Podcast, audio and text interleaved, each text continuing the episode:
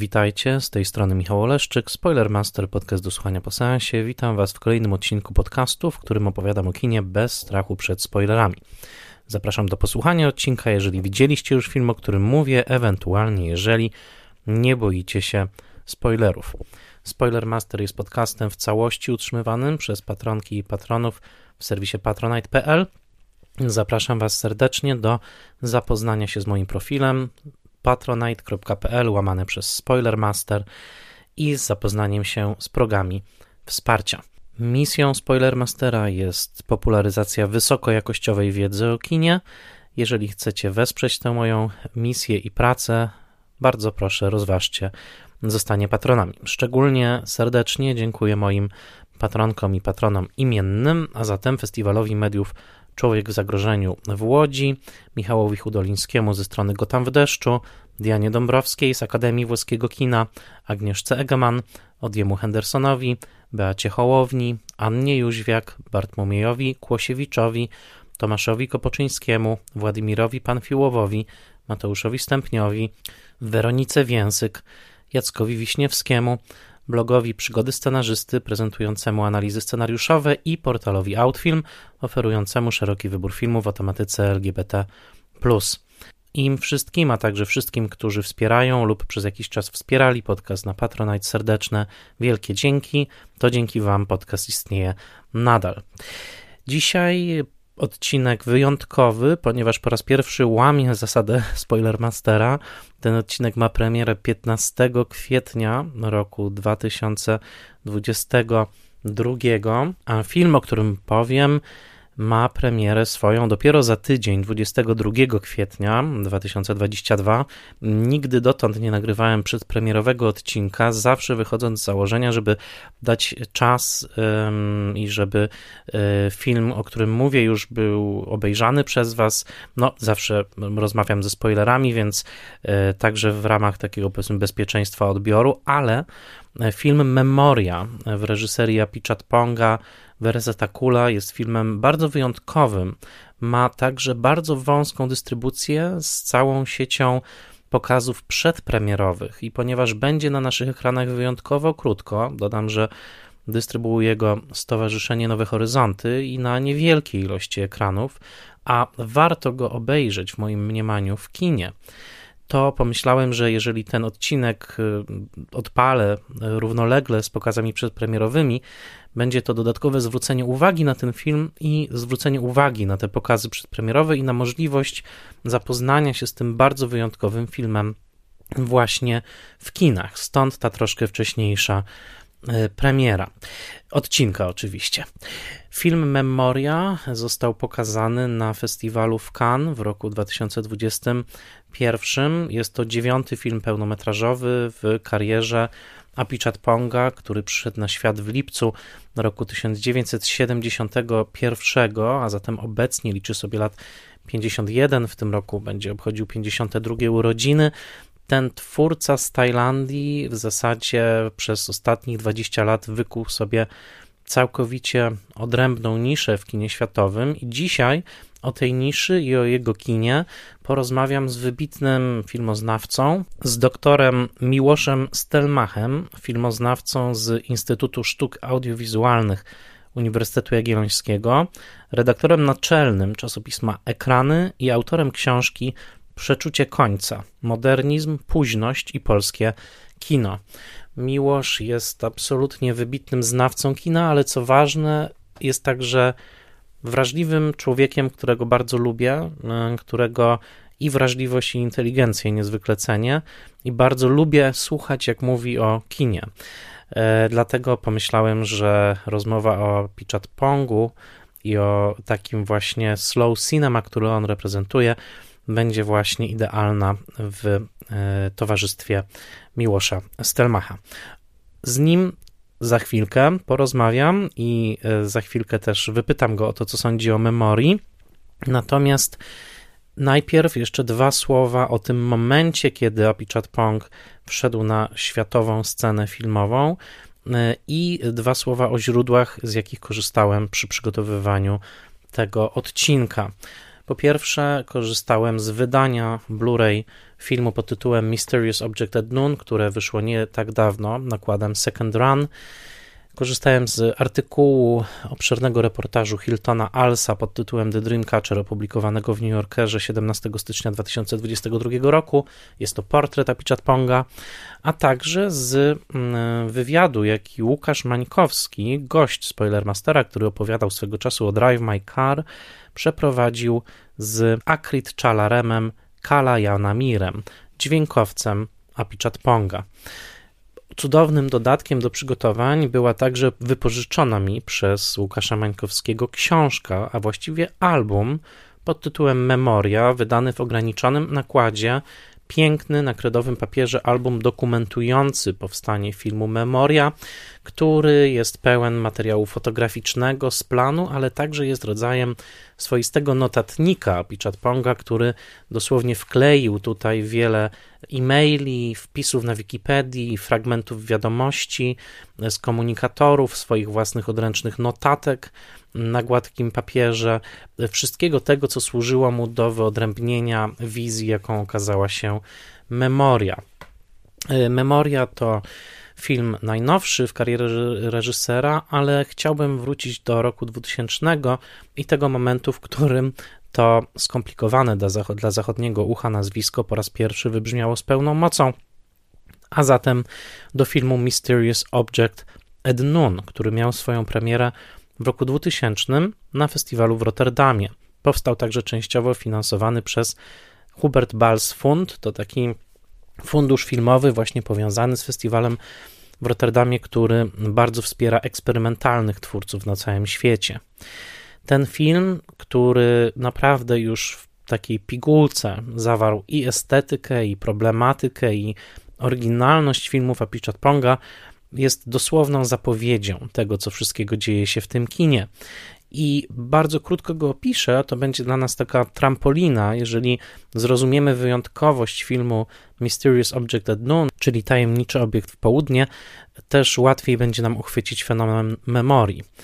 Albowiem w tamtym filmie mm, Apichat Pong nie przyznał sobie tytułu reżysera. Nazwał się dosłownie story editorem, czyli kimś, kto no właśnie układa, edytuje, redaguje opowieść. Film jest przedziwnym eksperymentem, połączeniem filmu dokumentalnego i fabularnego. Wszystko zaczyna się od długiej jazdy samochodem, kiedy to jedziemy ulicami współczesnego Bangkoku i powoli, powoli wyjeżdżamy na obrzeża miasta, aż do najbiedniejszych slumsów i w zasadzie do tego miejsca, gdzie już miasto zanika, a przejmuje krajobraz e, natura. Na początku słyszymy wyimki z radiowej telenoweli, pewnego rodzaju opery mydlanej, pełnej melodramatycznych deklaracji uczuć. Następnie słyszymy sprzedawców ryb, przede wszystkim tuńczyka, ich nawoływania, po czym zaczynamy się wsłuchiwać w opowieść kobiety, którą kamera Pichotponga odnalazła właśnie już na tych obrzeżach. Ta kobieta opowiada nam historię, co do której coraz to bardziej orientujemy się, że jest bardzo dramatyczna. Ta kobieta opowiada mianowicie, jak jako mała dziewczynka jeszcze została sprzedana przez swoich rodziców wujostwu w zamian za określoną kwotę pieniędzy, jakim było dla niej wstrząsem, kiedy się o tym dowiedziała już post factum. Opowiada tę historię w sposób bardzo emocjonalny, jednocześnie Apichat Pong montuje obraz w ten sposób, że mamy przebitki na obrazy tajskich polityków, uśmiechniętych, obiecujących lepszą przyszłość, mężczyzn na plakatach wyborczych i te słowa o tym wyzysku, jakiego ofiarą padła dziewczyna, powiązane z tymi obrazami właśnie obiecujących lepszą przyszłość polityków, tworzą pewien bardzo mocny kontrast.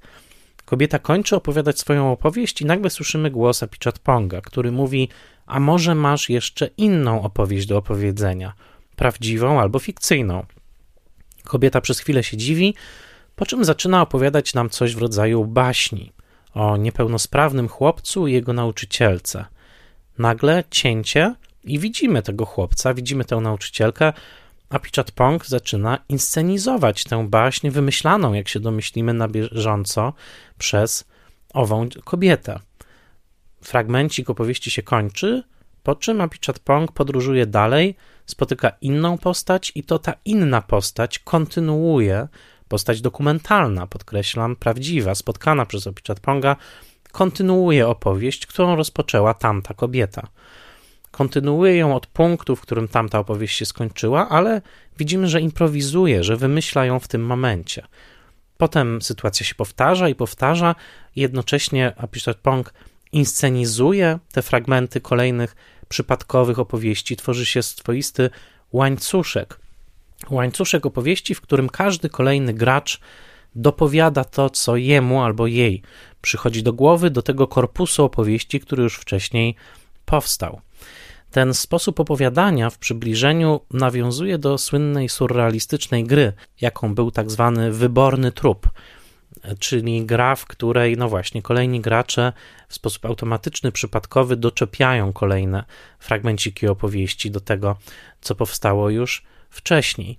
W najnowszym filmie Memoria, i tu właśnie jest ten link, pada z kolei nazwisko Salvadora Dalego, a zatem wybitnego surrealisty.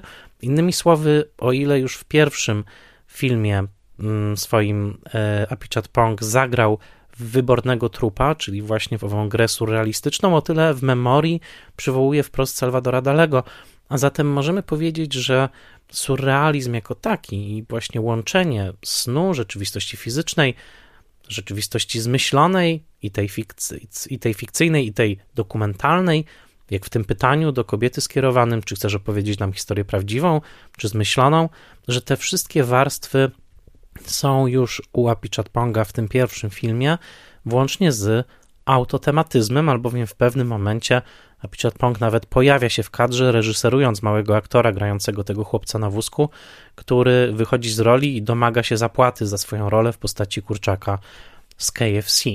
I tam widzimy Apichatponga, jak rozmawia ze swoim aktorem. Innymi słowy, tajemniczy obiekt w południe jest dokumentalnym portretem biedy w Tajlandii reżysera. Podróżujemy z północy na południe kraju, a jednocześnie jest rodzajem literackiej gry, w którym kolejne spotkane osoby kontynuują opowieść o małym chłopcu, jego nauczycielce i pewnym tajemniczym, okrągłym obiekcie. Opowieść jest kontynuowana nawet w języku migowym w pewnym momencie i kończy się w 79 minucie film, po czym następuje 10-minutowa koda – Widzimy dzieci bawiące się w piłkę przez dobrych 10 minut bez słów i orientujemy się, że cały film był trochę taką właśnie zabawą, gdzie opowieść w postaci właśnie piłki, tego, tych słów przechwytywanych z rąk do rąk była także po prostu grą, po prostu zabawą, po prostu surrealistycznym kręceniem małego bączka, tak żeby e, e, dostarczyło to przyjemności a gdzieś w tle z kolei pojawia się też także ten dokumentalny zapis Tajlandii, a zatem mamy do czynienia z bardzo wielowarstwowym, ciekawym przekazem. I jeszcze zanim przejdziemy do rozmowy z Miłoszem Stelmachem, chcę przeczytać fragmencik mojej własnej recenzji, jaką ponad dekadę temu napisałem po premierze filmu Wujek Bunmi, który potrafi przywołać swoje wcześniejsze wcielenia. Napisałem ten tekst na potrzebę mojego bloga, który wówczas był częścią Tygodnika Powszechnego mm, i przeczytam fragmencik, bo mm, on jest taką też kapsułką y, pozwalającą lepiej poznać główne y, tematy Apichat Ponga. Y, pisałem ponad dekadę temu tak. W kinie Apichat Ponga znanego także jako Joe, panuje cudowna ontologiczna demokracja. Duchy nie są dziwne ludziom, ani ludzie duchom. Wcielenia przeszłe i obecne spotykają się w pół drogi. W gorączce tropikalnej 2004 kochanek zmieniał się w tygrysa, a może na odwrót. Światło stulecia 2006 rwało się w połowie i zaczynało się raz jeszcze w nowej scenerii z nowymi ustawieniami kamery, mimo że podawane dialogi stanowiły w dużej mierze powtórzenie części pierwszej. Było trochę tak, jakbyśmy byli świadkami filmowej reinkarnacji. Gdyby wskazać na główny temat Veresetakula, byłoby nim wcielenie. Ciało jest u niego bardzo ważne. Reżyser jest synem pary lekarzy, podobnie jak ważna jest dlań sprawowana nad ciałem opieka. W rozegranym w dwóch szpitalach syndromach, czyli w świetle stulecia, dentysta nuci do ucha pacjenta piękną melodię, nie przerywając borowania. W filmie najnowszym, który właśnie wszedł na nasze ekrany, opieka nad chorującym na nerki mężczyzną zmienia się w asystę przy jego być może ostatniej drodze. Veresetakul jest mistrzem w portretowaniu ludzi dotrzymujących sobie cichego towarzystwa. Jednocześnie jest twórcą tak nieprzewidywalnym, że widz nigdy nie może być pewien, jaki będzie kolejny ruch w estetycznej grze. W tej sensie sam w tym sensie sam Joe staje się dla nas kompanem, bezpiecznym i zdumiewającym zarazem. Jego filmy są pełne wizualnych żartów. Owinięty w pomarańczową szatę mnich budzi się w środku nocy i sięga po telefon komórkowy. Z bajkowego jeziora wyłania się głowa Suma i przemawia banalnie płaskim męskim głosem. Po 35 minutach projekcji skrajnych rządz nagle pojawia się czołówka filmu. Tak, pisałem o filmie, który mm, przyniósł reżyserowi Złotą Palmę w Cannes. I teraz przechodząc już do filmu Memoria, przeczytam wstęp, jaki pojawia się, właściwie fragment wstępu, jaki pojawia się w tym albumie, który pożyczył mi Łukasz Mańkowski. Mianowicie we wstępie Apichat Pong pisze tak. Któregoś poranka przestraszył mnie dźwięk wybuchu. To było jak bomba o świcie, ale nie z zewnątrz, tylko wewnątrz mojej głowy. Później nauczyłem się, że nazywa się to syndrom wybuchającej głowy. Jest dosłownie tak, jakby ktoś strzelił gumką, recepturką wewnątrz twojej czaszki. Twoja czaszka wydaje się zrobiona z metalu. Niesamowity hałas odbija się w twoim mózgu, ale nie wybudza cię do końca, tylko przepycha cię do stanu półświadomości. Słuchasz, wyczekujesz. Po paru porankach ten atak stał się dla mnie dziwną przyjemnością. Wybuch wprowadzał mój mózg w rodzaj przyjemnego drżenia i cieszyłem się nim. Wkrótce poznałem jego rytm. Byłem nawet zdolny, aby zainicjować wybuch i następnie dostosować go do poszczególnych tonów, tak jakbym był dyrygentem albo treserem zwierząt. Ten dźwiękowy towarzysz wychodził karnie ze swego ukrycia o wschodzie słońca i następnie pomagał mi lepiej słyszeć dźwięki otaczającego miasta. Tajemniczy przybysz, tajemniczy dźwięk, oswajanie tego, co może bolesne, co może także niezwykłe, nieoczekiwane, to tematy Apichatponga. I teraz już przejdziemy do części właściwej odcinka i spróbujemy rozwikłać zagadkę Apichatponga i memorii już z doktorem Miłoszem Stelmachem.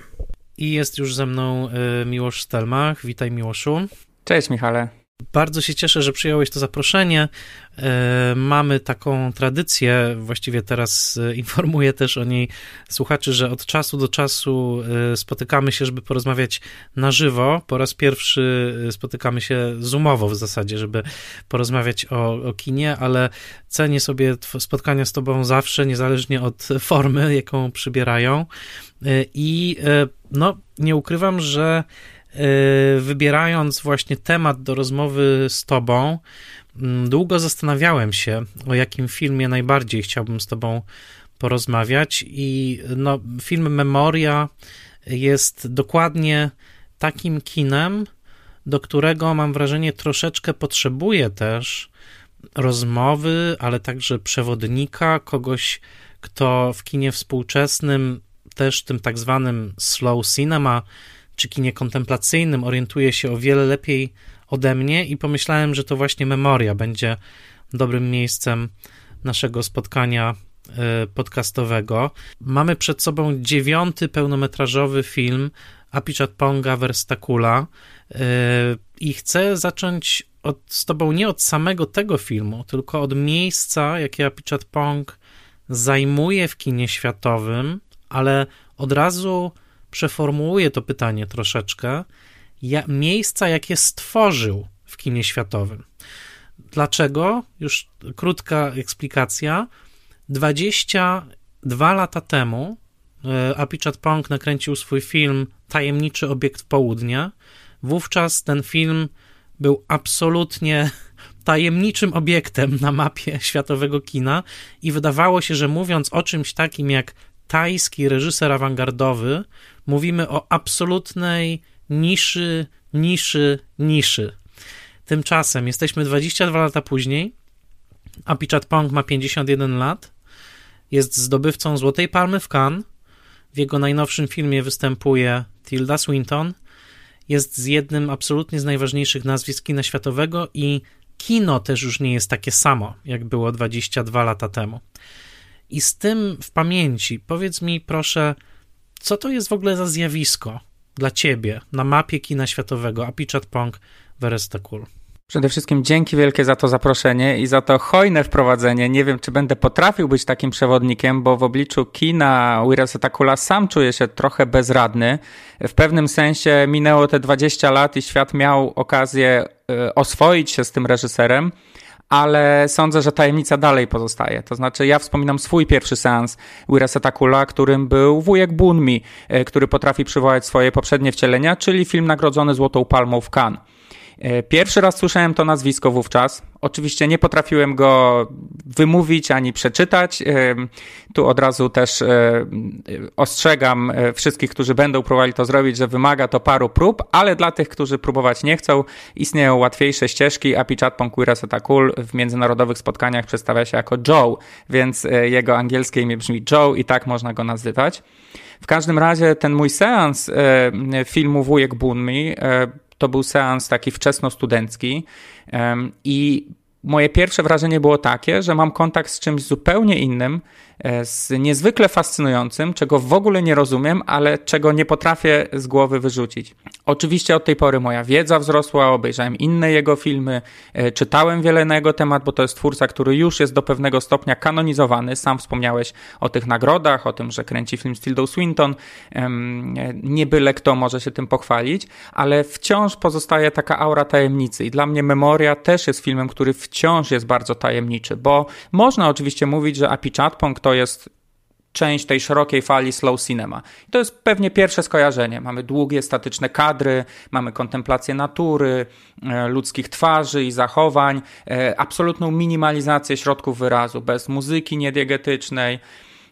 I e, to jest jakaś prawda, ale byłoby to też trochę upraszczające powiedzieć, że Api Chatpong to jest po prostu to samo, co Ray Gadas czy Bellator, e, czyli Zandro Alonso, tylko robi w Tajlandii. Bo każdy z tych twórców ma oczywiście za sobą jakiś taki background estetyczny, artystyczny, ale też kulturowy, który wnosi do swoich filmów i w wypadku Apichatponga jest on być może najbardziej swoisty, to znaczy taki najbardziej wypływający rzeczywiście z jego e, zaplecza kulturowego, e, Chciałem powiedzieć przez chwilę religijnego, ale sam Apichatpong nie uważa siebie za buddystę, chociaż sądzę, że ten buddyjski e, wymiar jego filmów jest wciąż bardzo obecny.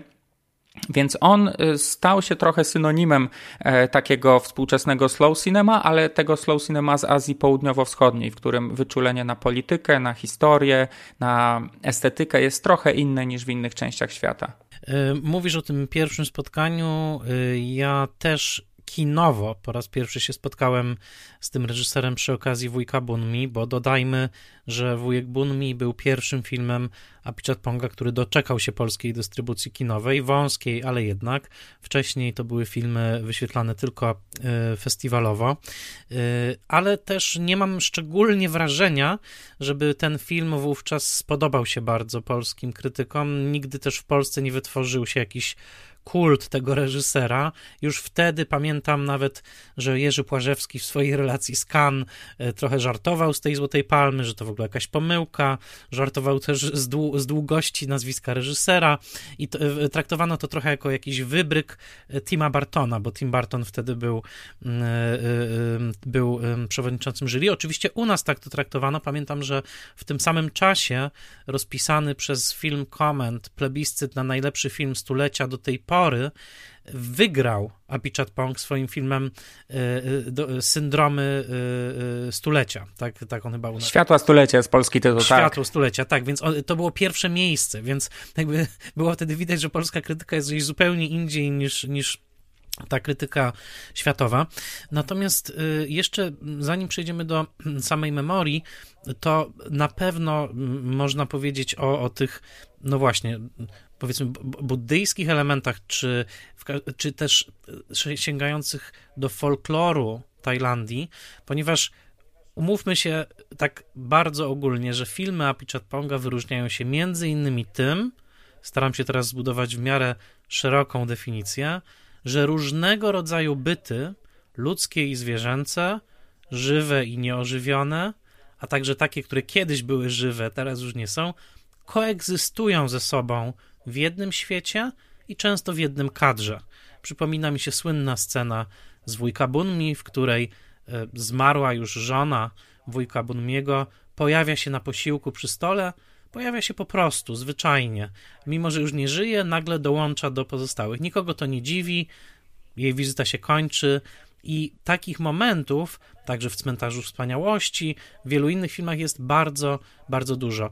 Coś, co wydaje się pochodzić z zupełnie innego poziomu rzeczywistości, nagle spotyka się w kinie E, e, Apichat Ponga w bardzo naturalny sposób.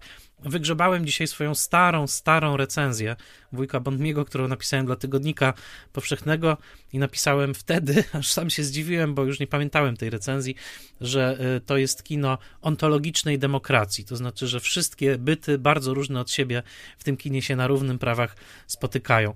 Czy to jest prawda i czy tak też jest w tym filmie najnowszym, Memoria? Zgadzam się w 100%. Już widzę nadchodzący duży esej Ontologiczna demokracja, kino Apichatponga Uria Setakula, bo w tych dwóch słowach mm, podsumowujesz w sumie to, co miałem na myśli, mówiąc o tym buddyjskim balaście. To znaczy ta idea właśnie współegzystowania różnych bytów, ale też przeszłości i przyszłości, bo to nie są tylko, to nie jest tylko przestrzenna, czy nawet ontologiczna właśnie jedność, ale także e, czasowa. Mm, można powiedzieć, e, że czasami tak się zdarza, że są twórcy, którzy nawet mimo wielkiego bogactwa znaczeniowego swoich filmów, czuć, że mają taką jedną myśl, jedną e, rzecz, nad którą pracują e, całą swoją karierę. Czy to filmowcy, czy pisarze.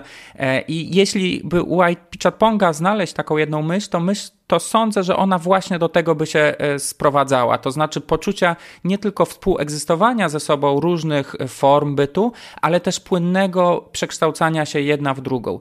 Świat Apichatponga jest światem, w którym e, właśnie ciągła zmiana obcowanie i bliskość ze sobą różnych stanów e, są jak najbardziej e, naturalne. Czasami dzieje się to w jednym kadrze, jak wspomniałeś, e, czasami poza kadrem, bo też wykorzystanie przestrzeni pozakadrowej, a w wypadku memorii, zwłaszcza dźwięku pozakadrowego, jest dla tego reżysera bardzo charakterystyczne. Mm, czasami są to jakieś światy równoległe, które obcują wokół siebie. Wspomniany przez ciebie film Światła Stulecia jest tak zbudowany, że obserwujemy dwie um, przestrzenie, dwie rzeczywistości, podobne do siebie, ale jednak rządzące się subtelnymi e, różnicami. Wiejski szpital i taki szpital bardziej zaawansowany, widzimy te same postaci w podobnych sytuacjach, ale zawsze troszkę inaczej sfilmowane, e, troszkę inaczej występujące. Jako widzowie nie dostajemy odpowiedzi na pytanie, co łączy ze sobą te światy. One po prostu są jakimiś być może alternatywnymi wersjami samych siebie, być może równoległymi e, wymiarami. W ogóle ten podział na dwie części też jest u Apichatponga bardzo, bardzo częsty. Zdarza się tak jak w, właśnie w światach stulecia, ale w chorobie tropikalnej czy skrajnych rządzach. E, wydaje mi się, że w to filmie Skrajne rządze dopiero tytuł filmu i napisy początkowe pojawiają się w połowie.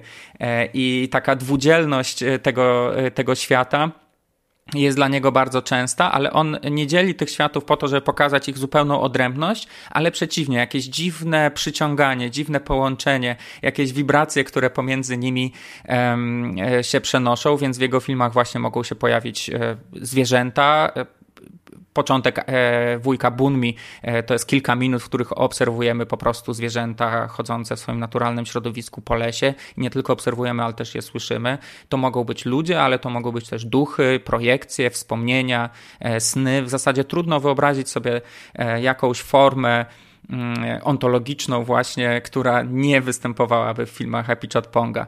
Więc wydaje mi się, że to jest taka, e, e, ta, taki motyw, który przenika całą jego twórczość e, w zasadzie od początku do końca. No, pewnie można by z tego wyłączyć The Adventure of Iron Pussy, który jest takim niekanonicznym filmem, współreżyserowanym tylko przez Happy Chat Ponga, więc zazwyczaj też dogodnie się ten film pomija we wszelkich omówieniach jego twórczości, bo on naprawdę do niej bardzo mało pasuje.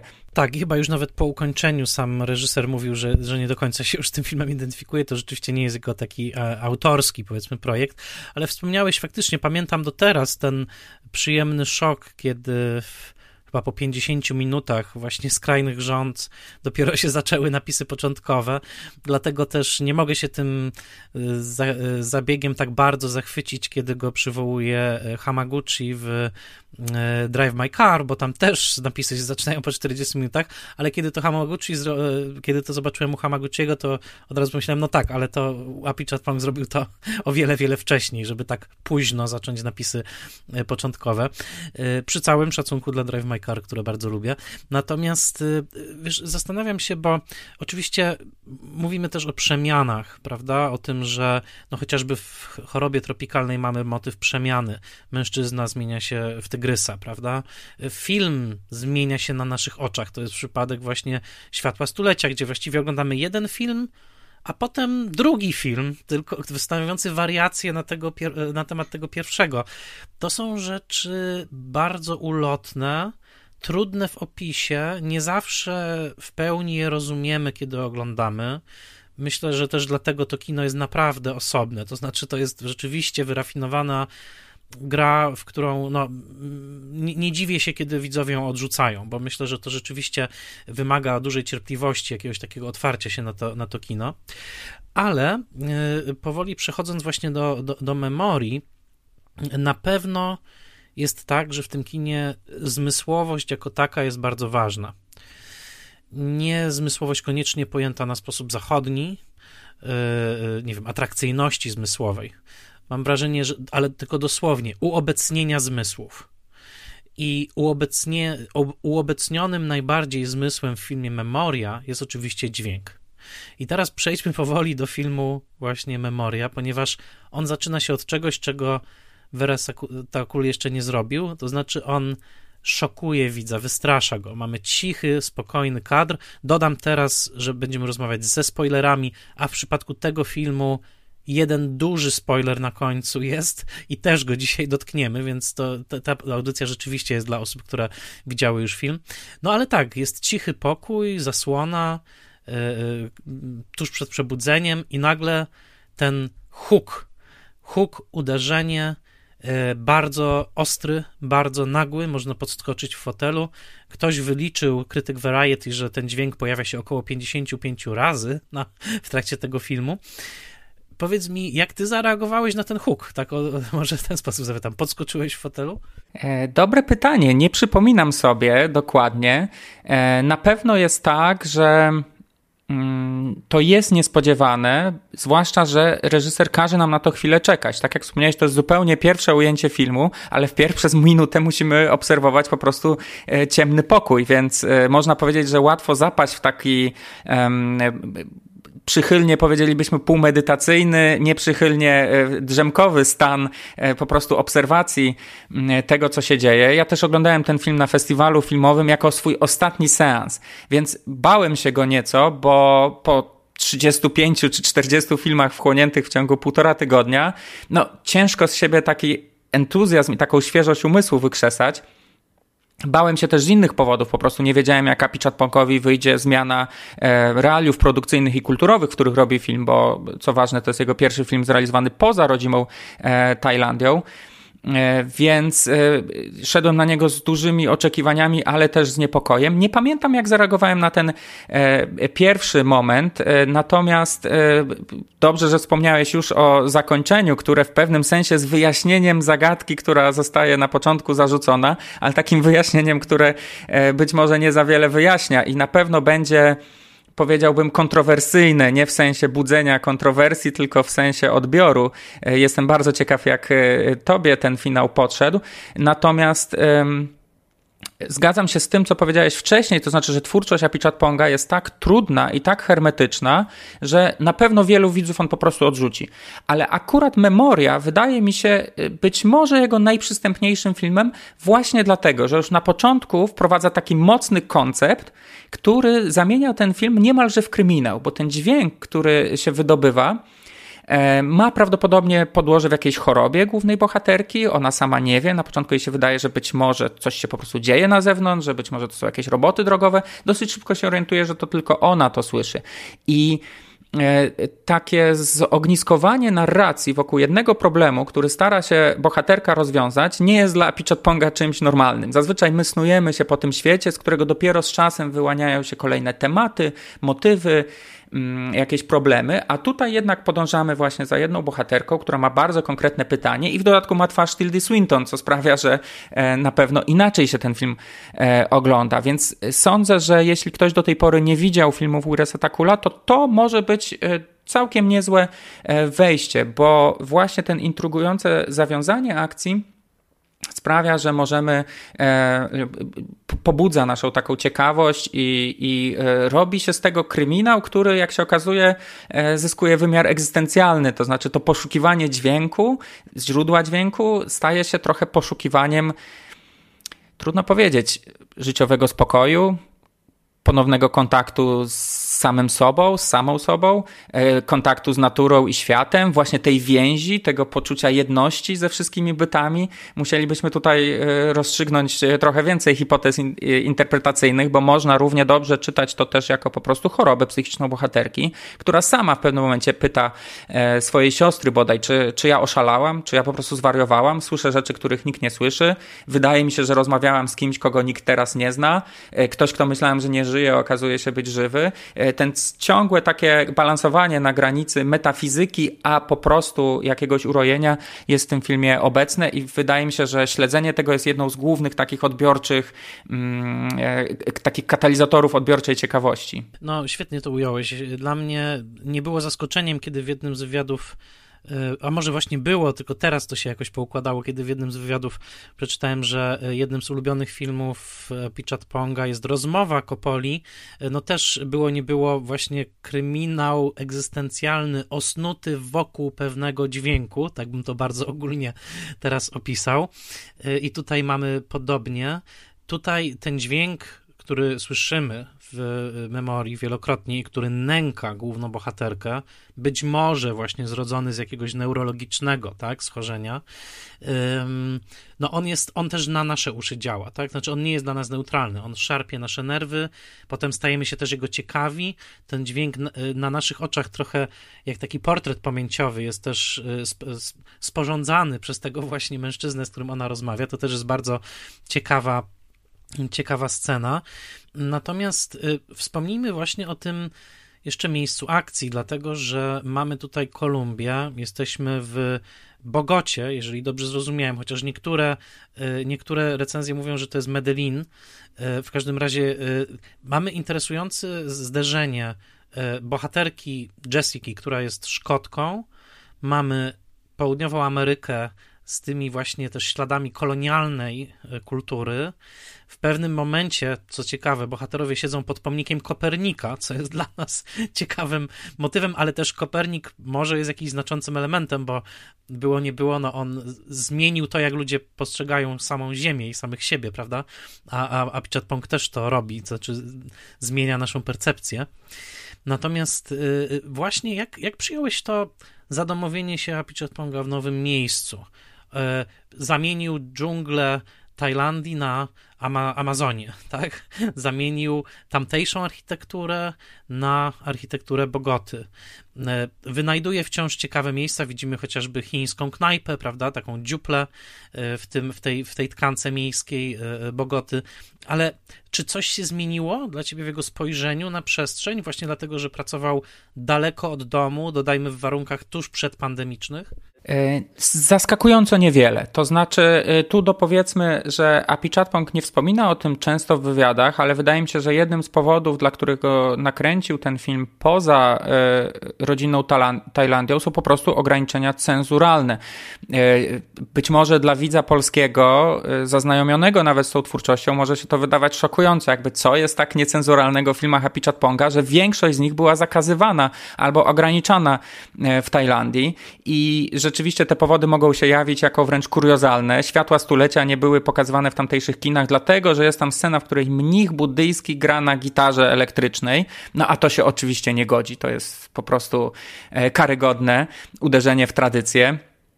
W Cmentarzu Wspaniałości, który wchodził do kin mniej więcej w tym samym czasie, kiedy no, w zasadzie przewrót wojskowy się w Tajlandii e, dokonywał. Sam fakt, że w tle pojawia się wojsko i jest sugestia, że tam trwają jakieś takie prace nad instalacjami wojskowymi, sprawił, że ten film e, także miał problemy cenzorskie. Wreszcie Wujek Bunmi, gdzie e, na poziomie dosłownie sugestii, wspomnienia, fotografii pojawia się odniesienie do tak zwanych antykomunistycznych czystek z lat 60., sprawiał, że ten film na początku też był zakazany. No dopiero kiedy dostał Złotą Palmę, to uwaga uwaga, w jednym kinie e, w, w Bangkoku można go było e, pokazać. Więc e, wydaje mi się, że ta, ten wyjazd z Tajlandii był takim wyjazdem po prostu w poszukiwaniu swobody większej twórczej ale bardzo podoba mi się ta decyzja, żeby pojechać do Kolumbii. To znaczy, cały świat artystyczny, kiedy wyjeżdża od siebie, czy to z powodów ekonomicznych, czy z powodów swobody politycznej, czy artystycznej, no prędzej czy później trafia do Francji, a jeśli ma trochę więcej potencjału komercyjnego, to do Hollywood. A, a Pichatpong, y, który dla mnie też jest trochę takim piewcą y, prowincjonalności, takiej y, peryferyjności, rozumianej na różnych sposobach, na, na, różne sposoby. Właśnie on docenia te peryferyjne istnienia, byty, których nie zawsze w naszym życiu dostrzegamy, nie, nie fiksuje się tylko i wyłącznie na ludziach. W obrębie tej Tajlandii często wyszukuje miejsca, które nie są zazwyczaj w tamtejszym kinie e, pokazywane, właśnie szuka jakiejś peryferii, dżungli i tak dalej. I wydaje mi się, że być może to jego intuicja artystyczna, a być może jakaś taka e, bardziej racjonalna kalkulacja sprawiła, że jego nie ciągnęło do tego centrum e, ekonomicznego i prestiżowego świata filmowego, tylko właśnie znalazł inne miejsce, które też ma podobny, podobny status, taki właśnie peryferyjny, półperyferyjny i nawet wewnątrz tego filmu wydaje mi się znamienne, że główna bohaterka właśnie właśnie opuszcza to miasto po to, żeby w drugiej części znaleźć się na prowincji. I mam wrażenie, że tam Apichatpong już oddycha swoim powietrzem. To znaczy, kiedy widzę e, te chaszcze, e, te, te, te dżungle, e, te krzaki, czuję tak, to jest jego kino wypełnione dźwiękiem, bo dla niego właśnie też te dźwięki natury są bardzo ważne. Więc sądzę, że na tym poziomie e, nic nie stracił. Nic nie stracił na poziomie takiego spojrzenia na, e, na rzeczywistość. Bardziej e, kontrowersyjny wydaje mi się wybór właśnie Tildy Swinton jako, jako aktorki. Aktorki oczywiście, która ma bezsprzeczny, fenomenalny talent. Jest to pewnie jedna z najlepszych aktorek, jakie w historii kina w ogóle zaszczyciły to medium swoją obecnością na ekranie. Aktorka, która grała wszędzie i kiedy mówię wszędzie, to mam na myśli naprawdę wszędzie. Od Dereka Jarmana i Petera Greenawaya, poprzez filmy Marvela, po Belletora e, i Joanne Hogg ostatnio. Ale przez to też ona wnosi coś zupełnie innego, taką pamięć swojej twarzy, swoich ról. Ciekaw jestem, jak tobie się patrzyło właśnie na gwiazdę w filmie, który jest antygwiazdorski. Coś takiego było już na przykład w filmie Haucha Lisandro Alonso, gdzie Viggo Mortensen występował. Mam wrażenie, że to był podobny, podobny zabieg. Tak, no mm, dobrze, że o to zapytałeś, bo miałem też wątpliwości z tym związane. E, czułem się dokładnie tak, jak kiedy oglądałem Certified Copy Kiarostamiego i patrzyłem na Juliette Binoche, karierę, kamerą Kiarostamiego i, i był, jest w tym pewien rodzaj, no nie wiem czy dyskomfortu, ale, ale jakiegoś dysonansu jednak, tak? To znaczy ta, ta twarz, która jest po prostu no już ikoniczna, tak? no właśnie tak jak powiedziałeś, no Tilda Swinton obdarzyła tymi, no, tą swoją obecnością wszystko, od najbardziej hardkorowych, jarmanowskich, e, awangardowych eksperymentów po świat Marvela i, i, jeszcze Oscara otrzymała za Michaela Claytona, więc no, ona wnosi to wszystko ze sobą, tak? I tym bardziej, że nie jest e, aktorką, nie wiem, o typowej urodzie, tak? Ona też jest bardzo charakterystyczna i, i to, to, to też jakby tą Swintonowość ze sobą wnosi. Oczywiście było to dla mnie fascynujące doświadczenie patrzeć, tak, jakby jak tutaj oni współpracują ze sobą. Przeczytałem też taki krótki reportaż z planu, gdzie mm, mm, no, było wyraźnie pisane o tym, że ona przyjęła na siebie taką rolę aktorki, która wpisywała się w powiedzmy, no, w, w, szerszą kompozycję kadru, tak, Apichat Ponga, że ona y, powiedziała nawet temu reporterowi, który przyglądał się jej przy pracy, nie patrzy na moją twarz, w ogóle nie patrz na mnie, jak tutaj gram, tylko patrz na ekranik, tam gdzie jest e, odsłuch, że tak powiem, obrazu, tak? E, swoją drogą tytuł, tytuł kolejnej książki, odsłuch obrazu. E, i, I tam zobaczysz, co ja tak naprawdę robię, tak? Nie zobaczysz tego patrząc na tę rzeczywistość, tylko zobaczysz dopiero w tej skomponowanej ramce przez Ponga, zobaczysz, co tutaj się dzieje i ten reporter rzeczywiście tak mówi, że tak jest, że jak spojrzał na nią, to wydawało mu się, że ona po prostu idzie korytarzem, jak spojrzał w tę kratkę właśnie podglądu kamery, to zrozumiał, aha, to rzeczywiście jest niezwykły, piękny kadr i to ma sens, że ona się porusza e, e, właśnie tak. Więc to było, to było dla mnie ciekawe, ale, e, ale myślę, że też Apichat Pong płaci pewną cenę za to, bo na, na pewno jest tutaj takie podejrzenie, no właśnie, tego, tego powiedziałbym bardziej konfekcyjnego podejścia do kina artystycznego, prawda? Czyli właśnie Juliette Binoche u Kiarostamiego, y, pewnie byśmy, dla mnie na przykład największa porażka w, w historii y, kariery Ashgara Farhadiego, czyli jego film nakręcony z Penelope Cruz, prawda? I te filmy, w których tuzy kina, wielkie nazwiska przychodzące ze świata poza zachodniego, spotykają się z gwiazdami kina zachodniego, no i powstaje podejrzenie, czy tutaj nie zachodzi po prostu jakaś być może kalkulacja, tak, być może właśnie mm, zastrzyk komercji, jakkolwiek Tilda, Tilda Swinton nie kojarzy się od razu jako komercyjna, y, ale powiem od razu, że, że dla mnie jako całość ten film się bardzo broni, tak, to znaczy on, wydaje mi się, że ta czystość intencji Pitcha Ponga jest ewidentna, no a zaraz dojdziemy do zakończenia, bo, bo też bardzo chciałem o nim wspomnieć, to znaczy co ono znaczy, ale jeszcze zanim e, do tego, do tego przejdziemy, to powiedz jak, jak, jak tobie z kolei to się oglądało i czy gdzie może, gdzie, może tak, gdzie ta memoria wyląduje u ciebie na mapie filmów Ponga? No tak bym, tak bym się zapytał. Wydaje mi się, że ona bardzo wyrasta z tego, co robił wcześniej i w tym sensie organicznie wpisuje się w jego styl, a jednocześnie kto wie, czy być może właśnie nie otwiera nowego etapu. Więc ja oglądałem ten film, y, tak jak wspomniałem, z y, y, poczuciem lekkiej obawy, ale te obawy w trakcie seansu jakby mi zupełnie znikały, bo po prostu dałem się wciągnąć w tą zmysłową grę. E, zmysłową znowuż nie w znaczeniu jakimś takim bardzo sensualnym nawet, e, czy, czy tym bardziej erotycznym, ale zmysłową w tym sensie, że mającą po prostu dotykać zmysłów mojego wzroku i mojego przede wszystkim słuchu. W pewnym sensie Api Chatpong dowartościowuje ten słuch, który jest integralną częścią kina, no przynajmniej od tego 1927 roku, ale który często jest jednak trochę na marginesie. Oczywiście wspomniałeś e, e, rozmowę Kopolli, znajdziemy jeszcze parę filmów, które wokół dźwięku się obracają. Natomiast e, jak wybuch De Palmy, który też jest właśnie filmem o poszukiwaniu dźwięku, choć zupełnie innym. Natomiast zazwyczaj jednak dźwięk służy rolę, pełni rolę pomocniczą. I tutaj to poczucie, że ja słucham tego filmu, bardziej nawet niż go oglądam, było zupełnie niezwykłe nie, być może nie jest to dla mnie nawet jeden z najwybitniejszych filmów ostatnich lat, ale jeden z takich, które zrobiły pod tym względem największe wrażenie. To znaczy, zdarza mi się to dosyć rzadko, ale tutaj miałem to poczucie, że kiedy po tym filmie zaczęły lecieć napisy, że muszę doczekać do końca tych napisów spokojnie, że muszę wyjść z kina trochę wolniejszym krokiem niż zwykle. Także dlatego, że nie chciałem nikogo spotkać. Tak jak mówię, oglądałem to na festiwalu i wiem, że na sali były, by, byli moi znajomi. I specjalnie nie chciałem ich spotkać, bo po prostu nie chciałem się z nikim konfrontować, nie chciałem się z nikim dzielić. Specjalnie poszedłem na długi spacer, taki, na którym nie mam szansy nikogo spotkać, bo miałem poczucie, że udało się coś, co no, po tysiącach obejrzanych filmów zdarza mi się po prostu bardzo rzadko. To znaczy chęć bycia głębiej i bliżej z tym filmem, ale poprzez ten film także z rzeczywistością. To znaczy, że nie traktowałem tego tylko jako seansu filmu, filmu do zanalizowania, do rozkminienia, do wpisania w jakieś e, konteksty, tylko takiej bramy trochę do, do kontaktu z właśnie z rzeczywistością dookoła, ze swoją wrażliwością.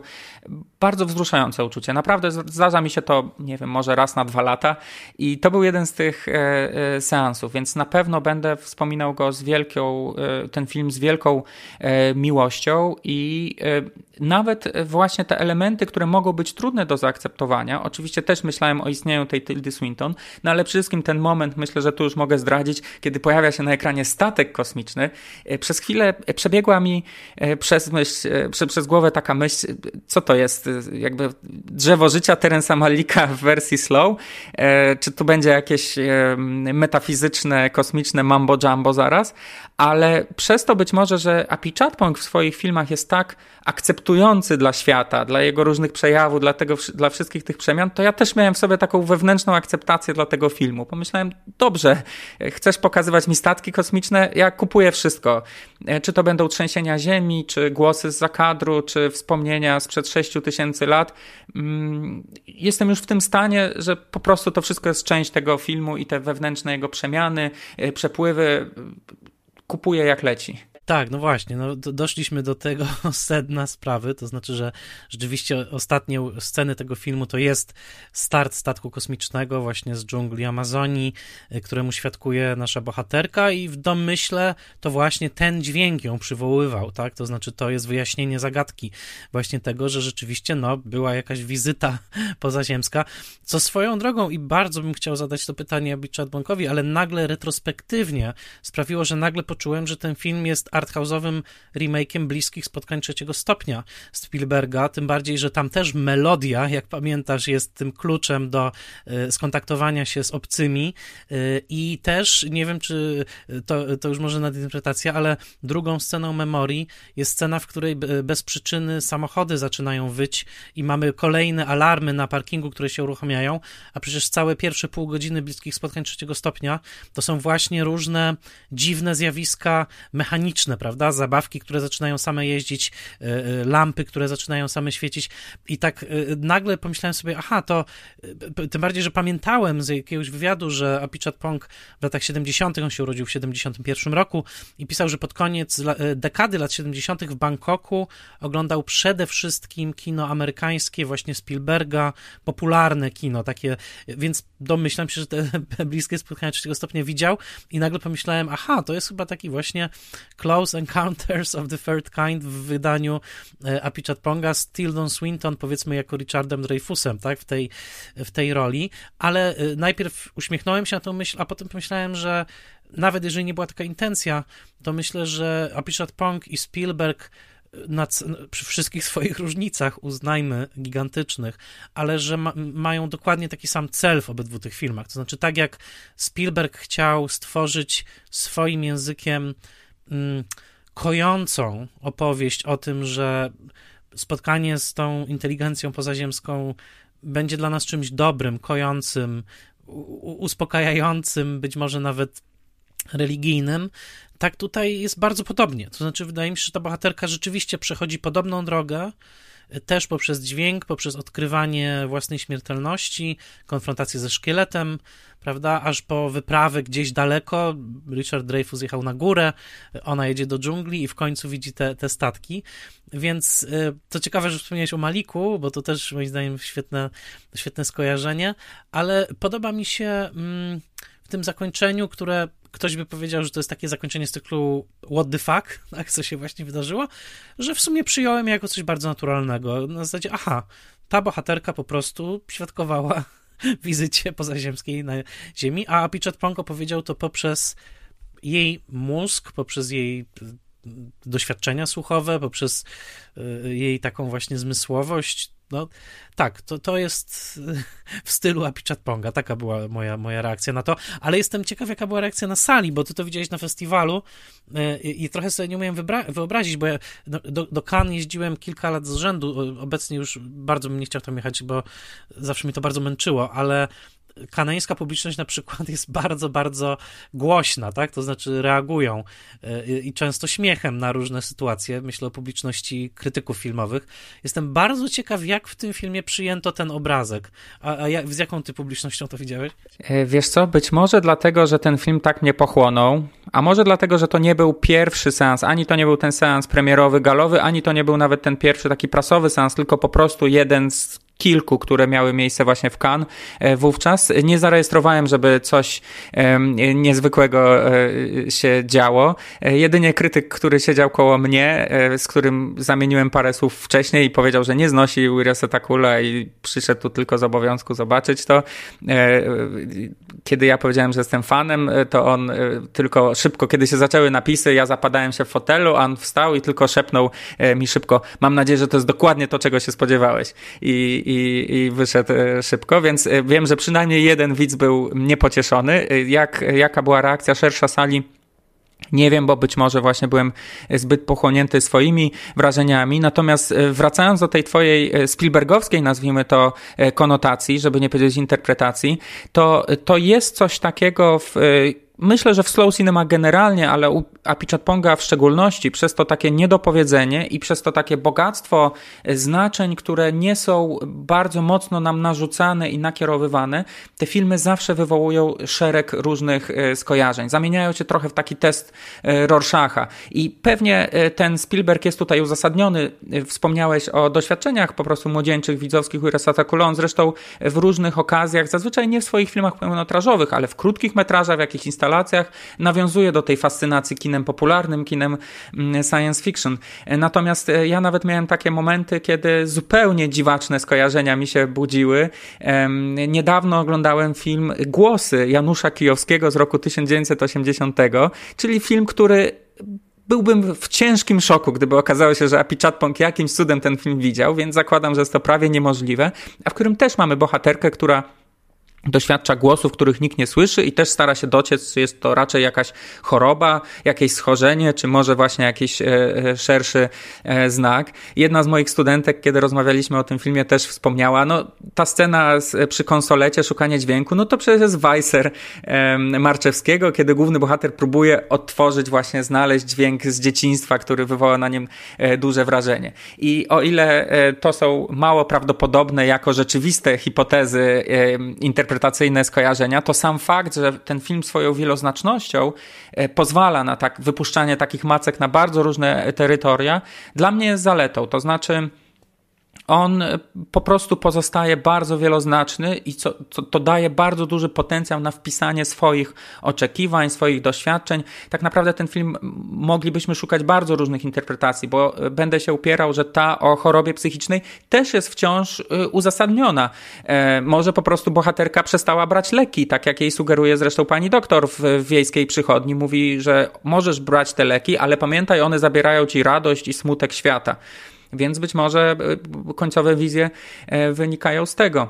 Można myśleć o tym filmie też w takim jeszcze bardziej nawet autotematycznym kluczu. Ta scena e, konstruowania tego dźwięku razem z dźwiękowcem. Lubię sobie czasami wyobrażać, że jest jakimś zapisem tego, jak Happy Chatpong ten film konstruował. On sam wspomina o tym, że pomysł na film wziął się z tego, że on sam cierpiał na coś, co się nazywa zespołem eksplodującej głowy, gdzie nie aż w takim wymiarze, jak jest to pokazane w tym filmie, ale też, zwłaszcza w momentach zasypiania, zasypiania albo przebudzania się następują halucynacje dźwiękowe i, i właśnie takie poczucie, jakby się mm, doświadczało jakiegoś dźwięku, czy jak on to bardziej mówi, takiego poczucia dźwięku. To nie jest taki huk, e, jaki tutaj słyszymy, mm, więc y, można o tym myśleć jako jakiejś. Mm, podróży autora i, i takiej artystycznym też przetworzeniu właśnie e, e, siebie samego. I ta wieloznaczność pozostaje dla mnie jednym z najbardziej e, fascynujących e, elementów e, tego filmu. Nawet trudno sobie mm, dokładnie wyobrazić tych kosmitów, to znaczy, czy to jest coś, co się dzieje wtedy, czy to jest to wspomnienie sprzed lat, bo tu dodajmy, że taką kluczową, być może nawet kulminacyjną sceną jest spotkanie e, tajemniczego mężczyzny o imieniu Ernan, czyli podejrzanie to samo imię, które ma dźwiękowiec, z którym wcześniej ten dźwięk konstruował, a który zaginął, znaczy zniknął, nikt go nie poznaje, nikt go nie, nie pamięta, więc tutaj ten mężczyzna e, w tajemniczych okolicznościach okazuje się mieć to samo imię i który rzekomo pamięta wszystko. I mm, w tym finale jakby ich pamięć zostaje zespolona i nagle mamy coś wspaniałego, co w kinie zdarza się niezwykle rzadko, czyli retrospekcję dźwiękową. E, zazwyczaj retrospekcja polega na tym, że widzimy coś, co się wydarzyło wcześniej, a tutaj tylko i wyłącznie razem z bohaterką, czy z bohaterami może razem, słyszymy coś, co wydarzyło się przed laty. Jak, tak jak wspomniałeś, to zostaje zapowiedziane przez ten szkielet i przez te wykopaliska, e, w których zostaje zapisana taka trochę pamięć kulturowa, pamięć historyczna. Tam 6 tysięcy, to są zdaje się szkielety sprzed 6 tysięcy lat. I jeszcze ostatnia rzecz, która mi się teraz przypomniała, a propos takich tropów interpretacyjnych, myślę, że też nie bez powodu zespół muzyczny tego naszego dźwiękowca e, nazywa się The Depth of Delusion Ensemble, e, czyli właśnie taka głębia czy głębiny e, złudzenia, urojenia, co też może być komentarzem do stanu mentalnego głównej bohaterki. Swoją drogą te takie drobne żarciki są czymś, co trochę wyróżnia Epichat Ponga spośród grona tych wszystkich bardzo zazwyczaj poważnych twórców twórców slow cinema, on lubi wplatać takie drobne, humorystyczne sceny. W tym filmie też znajdziemy ich kilka. Moja ulubiona to sztuczka z e, chusteczką, którą pokazuje główna bohaterka swojej siostrze, która jest e, nie wiem, czy istnieje dobry polski odpowiednik tego słowa, ale po angielsku mówi się o takim deadpan humor. No to to jest e, kwintesencja tego. To znaczy scena, która jest śmieszna, dlatego że jest tak nieśmieszna. Tak, absolutnie. I ten humor też warto u niego docenić. E, e, zgadzam się. On... I też wspomniałeś o tym tytule właśnie, znaczy o tej nazwie zespołu Głębia Urojenia.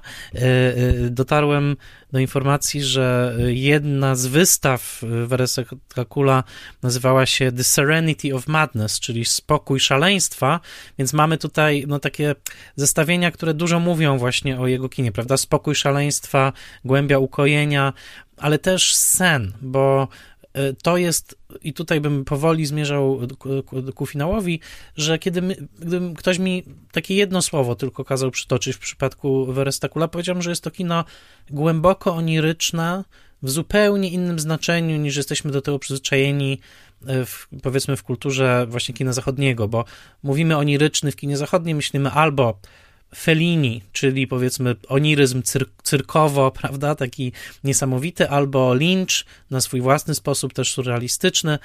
Tutaj, co prawda, lekarka przywołuje nazwisko Salvadora Dalego w rozmowie, który był znany z tego, że obrazował też sny e, i nawet Hitchcock go do, do, tego wynajął, żeby w filmie e, Urzeczona namalował mu sekwencję senną, e, ale właśnie to, to jest sedno sprawy, że to w jaki sposób Apichat Pong obrazuje sny na ekranie, jest dokładnie na odwrót, w sensie jest bardzo daleko od tych y, wizji, y, powiedzmy, daleko, które są oparte przede wszystkim na y, agresywnych i wyrazistych kontrastach wizualnych, bo i to jest dla mnie sedno Apichat Ponga, że u Apichat Ponga patrzymy na zwykły krajobraz, oświetlony wydawałoby się zwykłym światłem, ale coś w tym świetle jest troszeczkę innego, coś w dźwięku, który towarzyszy, jest tak wielowarstwowego, że aż hiperrealnego, to jak bohaterowie się poruszają i nie, byli, nie mielibyśmy żadnego problemu, żeby uznać nawet to, że cała akcja filmu Memoria dzieje się we śnie,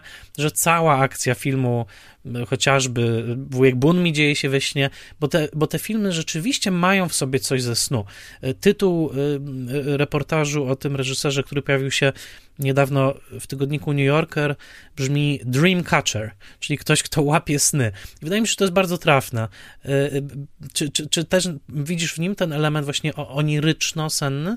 Nigdy o tym tak nie myślałem, to znaczy raczej e, starałem się dostrzec właśnie ten taki duchowy, religijny pierwiastek, który ten świat podbudowuje, ale im dłużej słuchałem tego, jak, jak, to, jak o tym mówisz, tym bardziej e, zacząłem myśleć, że coś w tym jest. To znaczy, jeśli film zaczyna się od sceny, że bohaterka śpi, no to już automatycznie może uruchamiać w nas takie, e, takie skojarzenia, że okej, okay, być może sen właśnie i spanie jest tutaj tematem, a tym, w tym filmie ewidentnie spanie i niespanie, bo bohaterka raczej ma problem z niespaniem jest jakimś wątkiem.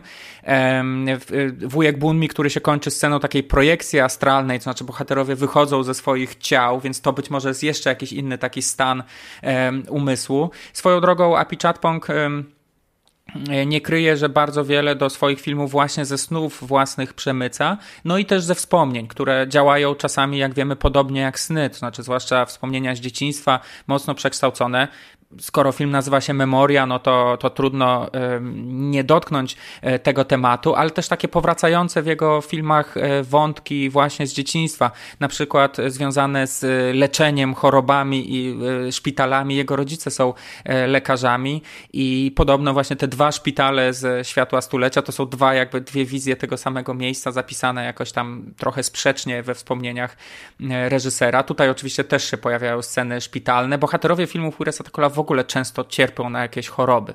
E, tutaj bohaterka nie może spać. Wcześniej mieliśmy z kolei przeciwnie, żołnierzy cierpiących na śpiączkę. E, mieliśmy mm, chorego na nerki wujka Bunmi, w zasadzie już umierającego. E, problemy skórne miał bohater, bohater skrajnych rząd, tak. E, więc, e, więc te elementy jakoś przedostają się do niego i zostają zmiksowane właśnie z tą rzeczywistością, być może nadając jej e, taki senny charakter, ale słusznie zauważyłeś, że ta sen, senność czy taki oniryczny charakter nie wykorzystuje w ogóle tradycyjnych konwencji obrazowania snu, które znamy z historii kina. To znaczy, on pozostaje jednak bardzo konkretny w swoim obrazowaniu, e, bardzo też nastawiony na pełne plany, e, dystans do bohaterów. Nie ma takiej próby subiektywizacji. Bardzo często chcemy, kiedy chcemy zaprezentować sen, no to staramy się jakoś oddać punkt widzenia bohatera, e, wewnątrz kadru pokazać jakoś tą dziwność, a u niego trochę wygląda tak, jakby właśnie normalne było, że nagle dawno zmarły syn przychodzi pod postacią włochatego potwora, że nagle kosmici wyłaniają się e, z lasu i być może to jest właśnie bardziej senne, bo w snach często się zdarza, że e, rzeczy najbardziej niezwykłe e, stają się częścią, którą przyjmujemy z całym dobrodziejstwem inwentarza, więc być może paradoksalnie to, że one właśnie uciekają od tej konwencji obrazowania snów, sprawia, że stają się jeszcze bardziej oniryczne. Chciałem Cię jeszcze zapytać o, o, coś takiego, bo tutaj jestem całkowicie bezradny. Mianowicie to jest twórczość, którą no, jakoś tam znam, większość tych filmów widziałem, y, lubię je, ale wiem, że istnieje też ten drugi Apichat Pong, to znaczy muzealno-galeryjny, y, właśnie znany z instalacji wideo. No niestety nigdy nie było mi dane w żaden sposób w tym, w jego tych przedsięwzięciach uczestniczyć. Y, ty miałeś taką, taką okazję? Niestety nie, ale zdaje się, że nawet właśnie powinniśmy być może odwrócić tę kolejność, bo ponoć ten API Chatpong instalacyjny, e, muzealny to jest ten pierwszy API Chatpong. My go znamy oczywiście jako twórcę e, filmowego, ale zdaje się, że większość jego twórczości to są właśnie um, różnego rodzaju instalacje. zresztą ma takie artystyczne wykształcenie z Art Institute of Chicago i e, Często to jest tak, że dopiero tego pełnometrażowe filmy są jakimś dopełnieniem albo wynikają z projektów, tak jak e, właśnie Wujek Bunmi, który był dopełnieniem bardzo szeroko zakrojonego e, projektu Primitive i wcześniej pojawił się list do Wujaszka Bunmi, e, krótki, krótki metraż, czy właśnie taka instalacja medialna, ale niestety to też jest, znam to tylko właśnie z opisów i ze słyszenia, natomiast to też jest ciekawe, bo pokazuje, że być może stąd bierze się część też formy i specyfiki Uresa Takula. On oczywiście nie jest jedynym twórcą, który łączy te dwa światy, ale to być może zapewnia jego taką e, osobność. On jest na przecięciu wielu światów pod różnymi względami, to znaczy jako Taj e, wykształcony w Stanach, jako właśnie niewierzący, wychowany w buddyjskiej kulturze, jako ktoś pomiędzy muzeum i, i, i kinem. I ta jego e, bycie pomiędzy w jakiś sposób dopełnia się z tymi filmami, które często są właśnie o byciu pomiędzy, o jakimś przejściu między światami, o jakimś niedopasowaniu i, i łączeniu bardzo różnych e, egzystencji, więc e, ta jego, e, ta jego, to jego niedookreślenie świetnie mi się zgrywa e, z tymi filmami. Tak, świetnie to ująłeś. Dodałbym jeszcze jego graniczność w tym, że studiował architekturę najpierw, więc jest architektem, reżyserem. To też interesujące, bo architektura w jego filmach gra bardzo ważną rolę, także ta architektura szpitalna, być może też wyrastająca z dorastania w dużej mierze właśnie y, w otoczeniu właśnie lekarzy w szpitalach.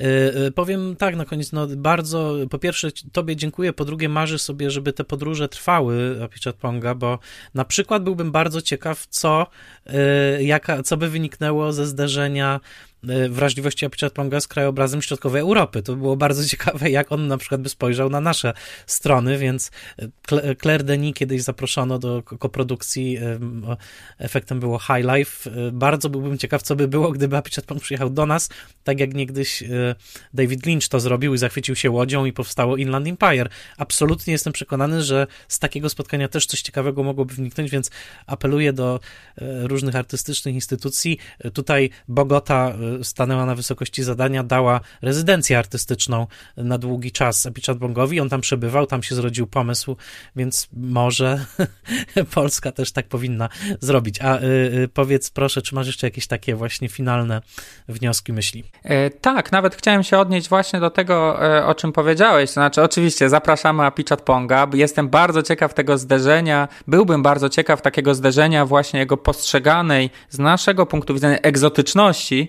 czymś, co jest e, dla nas e, najbliższe ale na koniec chyba chciałem powiedzieć właśnie, że ten projekt, chociaż taki trudny i ryzykowny, najbardziej być może się powiódł na poziomie produkcyjnym. My oczywiście nas interesuje przede wszystkim E, samo dzieło i to, jak e, Api Chatmok artystycznie e, rozwiązał wszystkie te kwestie, ale tu trzeba dodać, bo po prostu poszukałem informacji na ten temat. Ten film, robienie go poza domem to jest jedna rzecz, ale robienie go w koprodukcji 24 różnych firm i instytucji pochodzących z dziewięciu różnych krajów, w tym Chiny, Katar, Francja, Niemcy, Meksyk, więc takie nieoczywiste połączenia, w których mamy i Hubert Balsfund związany z festiwalem w Rotterdamie, i The Match Factory, czyli niemieckiego agenta sprzedaży, i pekińskie muzeum, które się do tego dokładało. 39 różnych producentów ma ten film, w tym, uwaga, Jia Ke, czyli e, chińskiego autora kina niezależnego, i danego Glovera, czyli amerykańskiego niegdyś e, znanego aktora, a dzisiaj właśnie częściej producenta. Film kręcony przez Taja, finansowany z całego świata w Kolumbii, z Tildą Swinton w różnych językach.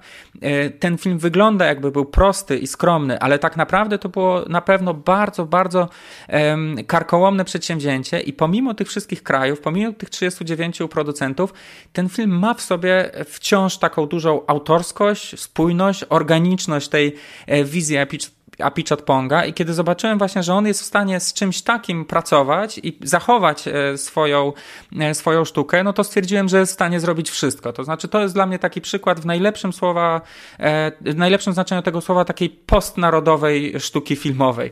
To jest to, co, nie wiem, Lantimos zrobił w Lobsterze, kiedy pojechał do Irlandii i też powstał taki właśnie dziwny film, trochę poza miejscem, gdzie okazało się, że mimo, że ten kontekst tak bardzo wydawałoby się definiował Apichat Ponga, to okazuje się, że poza tym kontekstem on też jest sobą i dlatego czekam na każdy projekt, z kimkolwiek go będzie robił, w jakimkolwiek miejscu e, na świecie, to naprawdę będę ciekaw efektów. A, a, wszystko to, y, po pierwsze, są bardzo ciekawe rzeczy, co powiedziałeś, po drugie, ta wizja, którą rozsnuliśmy, wcale nie jest taka nieprawdopodobna. Właśnie jesteśmy, i dodam, że właśnie kino Apichat Ponga trochę zapoczątkowało ten nurt, właśnie tego world cinema, jak mówimy, prawda? No, tak jak mówimy, no, w 2000 roku dofinansowany też z Hubert Balsfond właśnie film um, Tajemniczy Obiad w, w Południe był czymś powtórzę to, niszowo-niszowym. Obecnie mówimy o międzynarodowej koprodukcji właśnie z taką aktorką, premiera w Cannes y, i to już premiera w Cannes, dodajmy 10 lat po, po Złotej Palmie, więc y, dodam y, jako wisienkę na torcie, że mignęła mi informacja o tym, że najnowszy film Carlosa Raidagasa będzie też częściowo finansowany przez Polski Instytut Sztuki Filmowej, ponieważ polski producent Madance, który ma też doświadczenie w koprodukcji filmu Claire Denis właśnie, High Life, taki, taką właśnie propozycję złożył i, i tak będzie, więc e, to wszystko nie jest takie niemożliwe, więc jeżeli naszego podcastu słuchają producenci e, polscy, e, planując swoje różne przedsięwzięcia, to naprawdę Myślę, że fantastyczny projekt to byłby właśnie taki, to znaczy Apichat Pong patrzy na naszą tutejszą rzeczywistość i sobie i jemu tego także życzę. Jesteśmy po prostu w zupełnie innym miejscu, oczywiście także na wiele złych sposobów, dodajmy, w wieku 2022 niż byliśmy w tym roku 2000, ale dla kina na pewno jest to czas, w którym takie projekty jak Memoria bardzo indywidualne, bardzo niezwykłe, jednocześnie, tak jak powiedziałeś, instytucjonalnie zakorzenione w 39 różnych podmiotach, mogą powstawać i, i wspaniale, że zdobywają swoją publiczność. E, bardzo serdecznie Ci dziękuję. To była naprawdę sama przyjemność, więc mam nadzieję, że to nie ostatni, nie ostatni raz e, e, i że jeszcze będziesz kiedyś gościem Spoilermastera. Serdecznie Ci dziękuję. To ja dziękuję. Cała przyjemność po mojej stronie. Ta rozmowa zleciała szybciej niż seans memorii. Dokładnie tak. Bardzo Ci dziękuję raz jeszcze. Bardzo raz jeszcze dziękuję Miłoszowi Stolmachowi za to, że przyjął moje zaproszenie. Mam nadzieję, że ta opowieść o memorii mm, pozwoliła wybudować jakieś dodatkowe piętro interpretacji. E, zachęcam do poznawania kina Pichat Ponga. Jest to, to na pewno wyprawa daleka i niezwykła i daleka i w sensie geograficznym, ale przede wszystkim jednak w sensie tego, że Pichat Pong jest bardzo odległy od tego, co zazwyczaj w kinie oglądamy, ale bardzo Was do tego zachęcam. Mam nadzieję, że spodobał Wam się ten odcinek. Zachęcam do odwiedzenia strony patronite.pl łamanej przez Spoilermaster. Ten odcinek i inne są dostępne w sieci za darmo, w szerokim dostępie, tylko i wyłącznie dzięki temu, że moi patroni i patronki mnie wspierają i umożliwiają mi znalezienie czasu na pracę nad tymi odcinkami. Jeżeli chcecie dołączyć do tej społeczności, a także otrzymywać bonusy związane z mm, Patronite'em i ze wsparciem Spoilermastera, serdecznie Was do tego zachęcam. A jeżeli nie chcecie lub nie możecie tego uczynić, zachęcam do tego, żebyście podzielili się Spoilermasterem e, linkiem co najmniej z jedną osobą, która jeszcze podcastu nie zna. W ten sposób będzie miał on coraz większą ilość odbiorców. Bardzo serdecznie Wam dziękuję. E, wszystkiego dobrego i do usłyszenia za tydzień.